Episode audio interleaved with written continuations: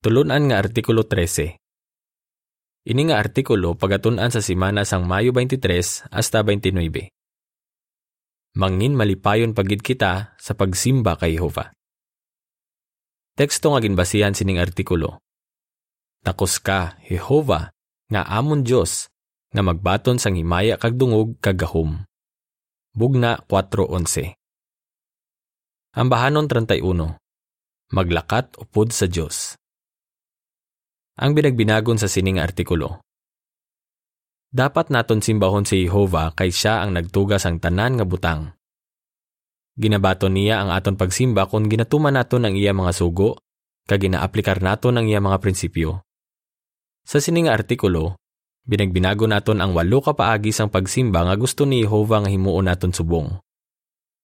Samtang ginabinagbinag naton ini nga mga paagi, Tunan naton kung paano naton mapauswag ang aton ginahimo sa pagsimba kay Jehova, kag kung paano ini makabulig sa aton nga mangin malipayon pagid. Para po uno kag dos, pamangkot. Ano ang dapat naton himuon para batunon sang Dios ang aton pagsimba? Ano ang ginahuna-huna mo kung mabatian mo ang tinaga nga pagsimba? Basi gina-imagine mo ang mga kauturan nga nag-attend sang meeting sa Kingdom Hall o kung basi gina-imagine mo ang mga kauturan nga nagakanta sang pagdayaw kay Jehova. Duha ini kahalimbawa sang paagi sang pagsimba kay Jehova. Batunon bala ni Jehova ang ila pagsimba? Batunon niya ini kung ginahimo nila ang iya kabubuton kag kung ginapalangga nila siya kag ginarespeto. Palangga gid naton si Jehova. Kabalo kita nga dapat naton siya simbahon sa bugos naton nga masarangan kag gusto naton nga himuon ini sa pinakamaayo nga paagi. Para po tres, pamangkot. Ano ang binagbinago naton sa sininga artikulo?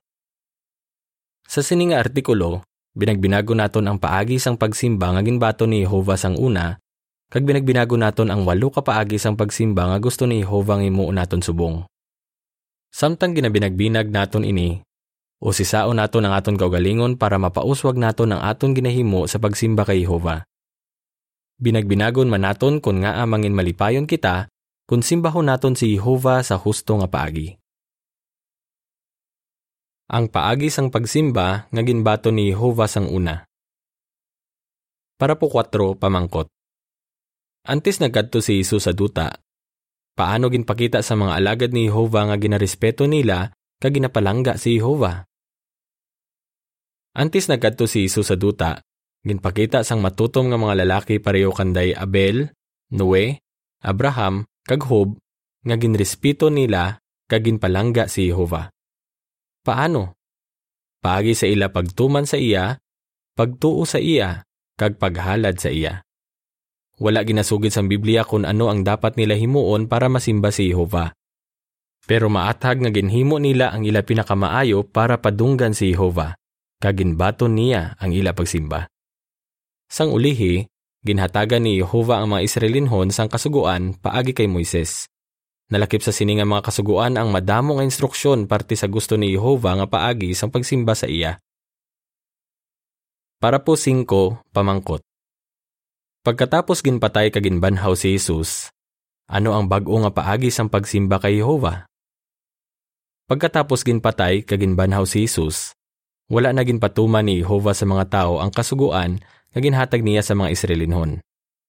May bag-o nga kasuguan nga dapat tumanon ang mga Kristiyano, kag amo ini ang kasuguan sang Kristo.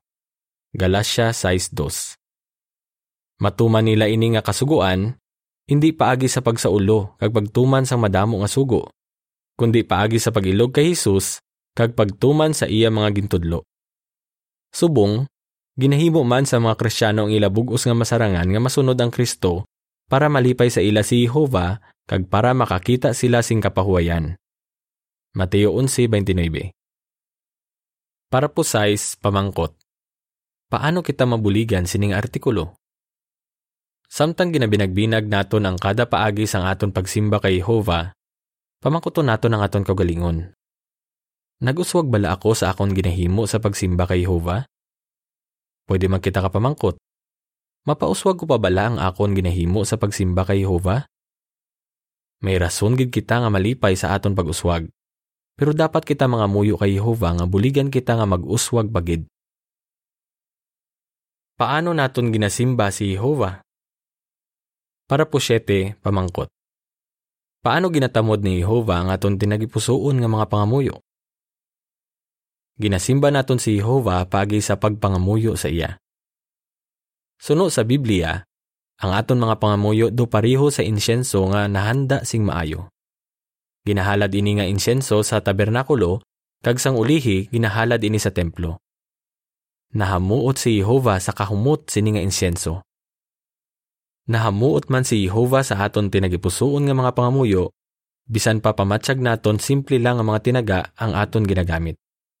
Hulubaton 15:8 Nalipay gid si Jehova kon ginapabutyag naton sa iya nga palangga naton siya kag nagapasalamat kita sa iya.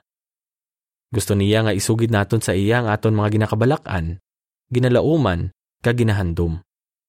Antis ka mga muyo kay Jehova, mas maayo kung paminsaron mo anay kung ano ang imo ihambal. Kung himuon mo ini, posible gid nga makahalad ka sa aton amay sa langit sang pinakamahamot nga insyenso. Para po utso, pamangkot. Ano ang isa ka maayo nga kahigayonan nga madayaw nato ng Diyos? Ginasimba naton si Jehova paagi sa pagdayaw sa iya. Madayaw naton si Jehova paagi sa pagsugid sa iban nga nanamian kita sa iya dalayawon nga mga kinaiya kag ginaapresyar nato ng iya mga hinimuan. Kung permi kita nagapasalamat kay Jehova, madamo kita sang maayo nga mahambal parte sa iya. Kung pamalandungan nato ng tanan nga maayo nga ginhimo ni Jehova para sa aton, madamo kita sang rason para dayawon siya. Kung nagabantala kita, isa gid dinhi ka maayo nga kahigayonan nga magdulot permi sa Dios sang halad sang pagdayaw nga amo ang bunga sang aton mga bibig.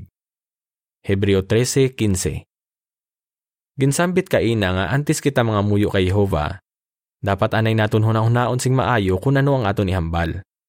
Amo man sini ang dapat naton himuon antes kita magbantala.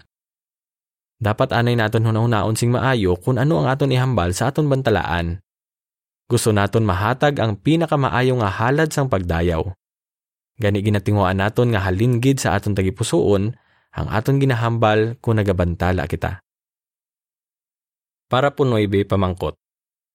Pareho sa mga Israelinon sang una, ano ang mga pagpakamaayo kung nagatipon kita kaupod sa mga nagapalangga man kay Jehova? Magsugid sang imo eksperyensya. Ginasimba naton si Jehova pagi sa pag-attend sa mga meeting. Ginsugo ang mga Israelinon sang una. Tatlo ka beses kada tuig, ang tanan ninyo nga lalaki dapat magatubang kay Jehova nga inyo Dios sa lugar nga pilion niya. Deuteronomio 16:16. Dapat nila biyaan ang ilang mga balay kag mga uma, kag wala sing magabantay sa sini. Pero nagpromesa si Jehova sa ila. Wala sing bisan sino nga mag-agaw sang inyo duta samtang nagataklad kamo agod magatubang kay Jehova nga inyo Dios. Exodo 34:24. Bangod nagasalig gid ang mga Israelinhon kay Jehova, gintuman nila siya kag ginasaulog nila ang mga kapistahan kada tuig. Gani madamo gid sila sing nabaton nga pagpakamaayo. Halimbawa, nahangpan nila sing maayo ang kasuguan sang Dios. Napamalandungan nila ang iya kaayo. Kag napaligon sila kay kaupod nila ang mga nagapalangga man kay Jehova. Amo man sini nga mga pagpakamaayo ang mabato naton kung ginahimo naton ang aton bugos nga masarangan nga maka-attend sa aton mga meeting. Kag hunahunaa ang kalipay ni Jehova kung may nahanda pagkikita nga malipot kag makapalig-on nga mga komento. Para po Jis pamangkot. Nga ama siling naton nga importante nga bahin sa aton pagsimba ang pagkanta. Ginasimba naton si Jehova pagi sa pagkanta kaupod sang aton mga kauturan. Para sa mga Israelinhon, ang pagkanta isa ka importante nga bahin sa ila pagsimba. Gintangdo ni Hari David ang 288 kalibinhon nga mangin mga manugamba sa templo. Subong, mapabutsag naton sa aton Dios nga palangga naton siya pagi sa pagkanta sa mga ambahanon sang pagdayaw. Hindi kinahanglan nga manami gid kita magkanta para mahimo naton ini. Binagbinaga ini nga pagpaanggid. Kita tanan nagakasandad sing madamong beses sa aton paghambal. Pero wala kita nagauntat sa paghambal sa kongregasyon kag sa pagbantala. Santiago 3.2 Hindi man kita dapat maguntat sa pagkanta sang pagdayo kay Jehova, bisan pa hindi kita manami magkanta. Para po 11, pamangkot. Suno sa Salmo 48.13, nga dapat hatagan sang tion sang pamilya ang pagtuon sang Biblia. Ginasimba naton si Jehova paagi sa pagtuon sang iya pulong kag pagtudlo sa aton kabataan parte sa iya. Kung adlaw nga inugpahuway, wala nagaobra ang mga Israelinhon kag ginagamit nila ini nga adlaw para pabakuron ang ila kahangtanan kay Jehova. Ginatudloan sang matutom nga mga Israelinhon ang ila kabataan parte kay Jehova kag parti sa iya kaayo. Subong, dapat manaton hatagan sang tion ang pagbasa kag pagtuon sang pulong sang Dios. Bahin ini sang aton pagsimba kay Jehova kag nagabulig ini para manginsuod pagid kita sa iya. Kag kung nagatuon kita bilang pamilya, ginabuligan nato ng aton kabataan nga manginsuod sa aton may gugmaon nga amay sa langit. Ang Salmo 48.13 nagasiling, Talupangda ninyo ang mga pamakod sini. Tanawan ninyo ang napamakuran nga mga tore sini, agud masugid ninyo ini sa palaabuton nga kaliwatan. Para po 12 pamangkot. Ano ang matun naton sa pagtamod ni Jehova sa paghimo sa mga kagamitan sang tabernakulo? Ginasimba naton si Jehova pagi sa pagpatindog kag pagmintinar sa mga pasilidad nga ginagamit naton sa pagsimba. Ang Biblia nagasiling nga ang paghimo sang tabernakulo kag sang mga kagamitan sini isa kabalaan nga hilikoton. Exodo 36, 1 kag 4. Subong, ginakabig man ni Jehovah nga isa ka sagrado nga pag-alagad sa iya ang pagpatindog sa mga kingdom hall kag iban pa nga mga pasilidad. Madamo nga tion ang ginagamit sang pila ka kauturan sa sini nga mga hilikoton. Ginaapresyar gid nato ang ila dako nga bulig para sa hilikoton sa ginarian. Magluwas sa sini, nagabantala man sila. Posible nga gusto pagani sang iban sa ila nga magpioneer. Kung mag-apply sila, kagkalipikado sila, mapakita sang mga gulang nga ginasuportahan nila ang mga proyekto sa konstruksyon pagi sa pag-approve sa sining mapisan nga makauturan nga mangin pioneer. May nabalaan man kita sa konstruksyon o kun wala, makabulig kita tanan para mangin matinlo kag namintinar sing maayo ang ginagamit naton nga mga pasilidad. Para po 13 pamangkot. Paano naton dapat tamdo ng aton donasyon para sa likoton sa ginharian? Ginasimba naton si Jehova pagi sa paghatag sang aton donasyon para suportahan ang ilikuton sa ginarian. Kung nagasaulog sang kapistahan ng mga Israelinhon, dapat may dala sila nga regalo para kay Jehova. Dapat sila maghatag sang regalo suno sa ila masarangan. Pagi sa sini, pinapakita nila nga nagapasalamat sila kay Jehova sa tanan nga ginahimo niya para sa ila. Paano naton mapakita nga palangga naton si Jehova kag ginapasalamatan naton siya sa tanan nga ginahimo niya para sa aton? Ang isa ka paagi amo ang pag-amot sang kwarta para sa aton kongregasyon kag para sa bugos kalibutan nga likoton suno sa aton masarangan. Amo ini ang ginsiling ni Apostol Pablo. Ang dulot nga tinagipusoon labi nga kalamutan sa Dios. Bangod ginapaabot sang Dios nga maghatag ang isa ka tawo suno sa yara sa iya, indi suno sa wala sa iya. Ikaduhang Korinto 8, 4, kag 12.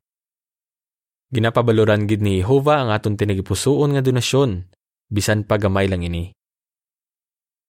Para po 14 pamangkot. Sunod sa hulubaton 19-17, paano ginatamod ni Jehova ang pagbulig naton sa aton mga kauturan nga nagakinahanglan? Ginasimba naton si Jehova pagi sa pagbulig sa aton mga kauturan nga nagakinahanglan. Nagpromesa si Jehovah nga pakamayuhon niya ang mga Israelinhon nga maalwan nga nagabulig sa mga imol. Sa kada tion nga ginabuligan nato ng aton utod nga nagakinahanglan, ginatamod ini ni Jehovah nga regalo sa iya. Ang hulubaton 19-17 nagasiling. Ang isa nga nagakaluoy sa kubos, nagapahulam kay Jehovah. Kagbayaran niya ang iya ginahimo. Halimbawa, sang napreso si Pablo, Nagpadala sa iya sang regalo ang mga kauturan sa Filipos. Gintawag niya ini nga isa kahalad nga kalamutan sa Dios. Filipos 4:18. Huna-hunaa ang mga kauturan sa inyong kongregasyon kag pamakuta ang imo kagalingon. Sino ang pwede ko buligan? Nalipay si Jehova kung ginagamit nato ng aton tion, kusog, ikasarang, kag kwarta para buligan ang mga nagakinahanglan. Ginakabig niya ini nga bahin sa aton pagsimba. Nagapahalipay sa aton ang pagsimba kay Jehova. Para po kinse pamangkot. Kinahanglan ang tion kag pagpanikasog para masimba naton si Jehova. Pero nga hindi ni mabugat o kung mabudlay himuon. Kinahanglan ang tion kag pagpanikasog para masimba naton si Jehova. Pero hindi ini mabugat o kung mabudlay himuon. Nga Bangod ginasimba naton si Jehova, kay palangga naton siya. Imagine na ang isa ka bata nga gusto magregalo sa iya amay. Gani nagdrawing siya. Posible nga inuras niya ini nga ginhimo. Wala nanugon ang bata sa inuras niya gingamit sa pagdrawing. Palangga niya ang iya amay, kag nalipay siya nga irigalo sa iya amay ang iya ginhimo. Bangod palangga manaton si Jehova, nalipay kita nga gamito ng aton tion kag kusog para simbahon siya. Para po 16, pamangkot. Suno sa Hebreo 6 Gs. Paano ginatamod ni Jehovah ang aton pagpanikasog para malipay siya? Wala nagapaabot ang may gugmaon nga mga ginikanan nga palariho ang irigalo sa ila sang ila kabataan. Kabalo sila nga hindi pareho ang kada bata, kaglain-lain ang ilay kasarang. Nahangpan man sang aton amay sa langit ang sitwasyon sang kada isa sa aton. Kung ikumparar sa mga kilala mo kag pinalangga, posible nga mas madamo ang mahimo mo sang sa mahimo sang kalabanan sa ila. O kung posible man nga hindi mo masarangan ang ginahimo sang iban, bangod tigulang ka na, nagamasakit, o kung madamo ka sang responsibilidad sa pamilya. Hindi ka dapat maluyahan sang buot. Hindi pagkalimtan ni Jehovah ang imo ginahimo para sa iya. Kung ginahimo mo ang imo bugos nga masarangan, kag husto ang imo motibo, malipay si Jehovah. Ang Hebreo 6.10 nagasiling. Kay ang Diyos matarong, kag hindi niya pagkalimtan ang inyo binuhatan, kag ang gugma nga ginpakita ninyo para sa iyang ngalan pagi sa pag-alagad, kag sa padayon nga pag-alagad sa mga balaan. Kabalo pagani si Jehovah sang handom sang imo tagipusoon. Gusto niya nga malipay ka sa masarangan mo himuon sa pagsimba sa iya. Para po 17, pamangkot sa A. Kung nabudlayan kita sa pila ka paagi sa pagsimba nga ginbinagbinag naton, ano ang himuon naton? Pamangkot sa B. Ano ang nabulig sa imo sang ginhimo mo ang isa ka paagi sang pagsimba kay Jehova nga makita sa kahon nga mangin malipayon kapagid? Ano ang himuon naton kung nabudlayan kita sa pila ka paagi sang pagsimba nga ginbinagbinag naton pareho sang pagtuon sang Biblia o kung pagbantala? Panikasugan naton nga permi himuon ini nga mga hilikoton. Pagi sa sini, mas manamian kita sa sini nga mga hilikoton kag makabenepisyo pagid kita. Pwede naton ikumparar ang aton ginahimo sa pagsimba sa pag-exercise o kung pagtuon sa pagtukar sa gitara. Kung talagsa lang kita mag-exercise o kung mag-practice sa pagtukar, mahinay ang aton pag-uswag. Pero ano abi kung himuon naton ini adlaw-adlaw? Sa umpisa, Posible nga mga pila ka minuto lang kita mag-exercise o kung mag-practice. Dayon amat-amat naton nga dugangan ng aton tion nga ginagamit sa sini. Kung makita naton ang maayo nga resulta sa aton pagpanikasog, posible gid nga mangin excited kita nga himuon ini permi kag mangin malipayon kita. Matuod man ini sa aton pagsimba kay Jehova. Ari ang dugang nga impormasyon. Mangin malipayon kapagid. Madamo sang paagi para masimba naton si Jehovah subong. Kung panikasugan mo nga himuon ini, mangin malipayon kapagid hasta sa wala sing katapusan. Balik sa artikulo. Para po 18 pamangkot. Ano ang pinakaimportante nga likoton nga dapat naton himuon? Kag ano ang resulta kung himuon naton ini? Dapat naton himuon ang aton pinakamaayo sa aton pagsimba kay Jehovah Amo ini ang pinakaimportanteng ilikoton nga dapat naton himuon. Kung himuon naton ini, mangin malipayon kita kag kontento. Kag may paglaom kita nga simbahon si Jehovah sing wala sing katapusan. Malinong ang aton hunahuna kay kabalo kita nga ginabuligan ni Jehovah ang mga nagasimba sa iya kung may problema sila. Madamo gid kita sang rason nga mangin malipayon sa pagsimba sa aton may gugmaon nga amay nga tako si mayaon kag padunggan sang tanan niya nga tinuga. Bugna 4.11 Ano ang imo sabat? Ano ang paagi sang pagsimba nga ginbato ni Jehova sang una? Paano naton ginasimba si Jehova subong? Nga nagapahalipay sa aton ang pagsimba kay Jehova. Ambahanon 24 Mataklad kita sa bukid ni Jehova. Diri natapos ang artikulo.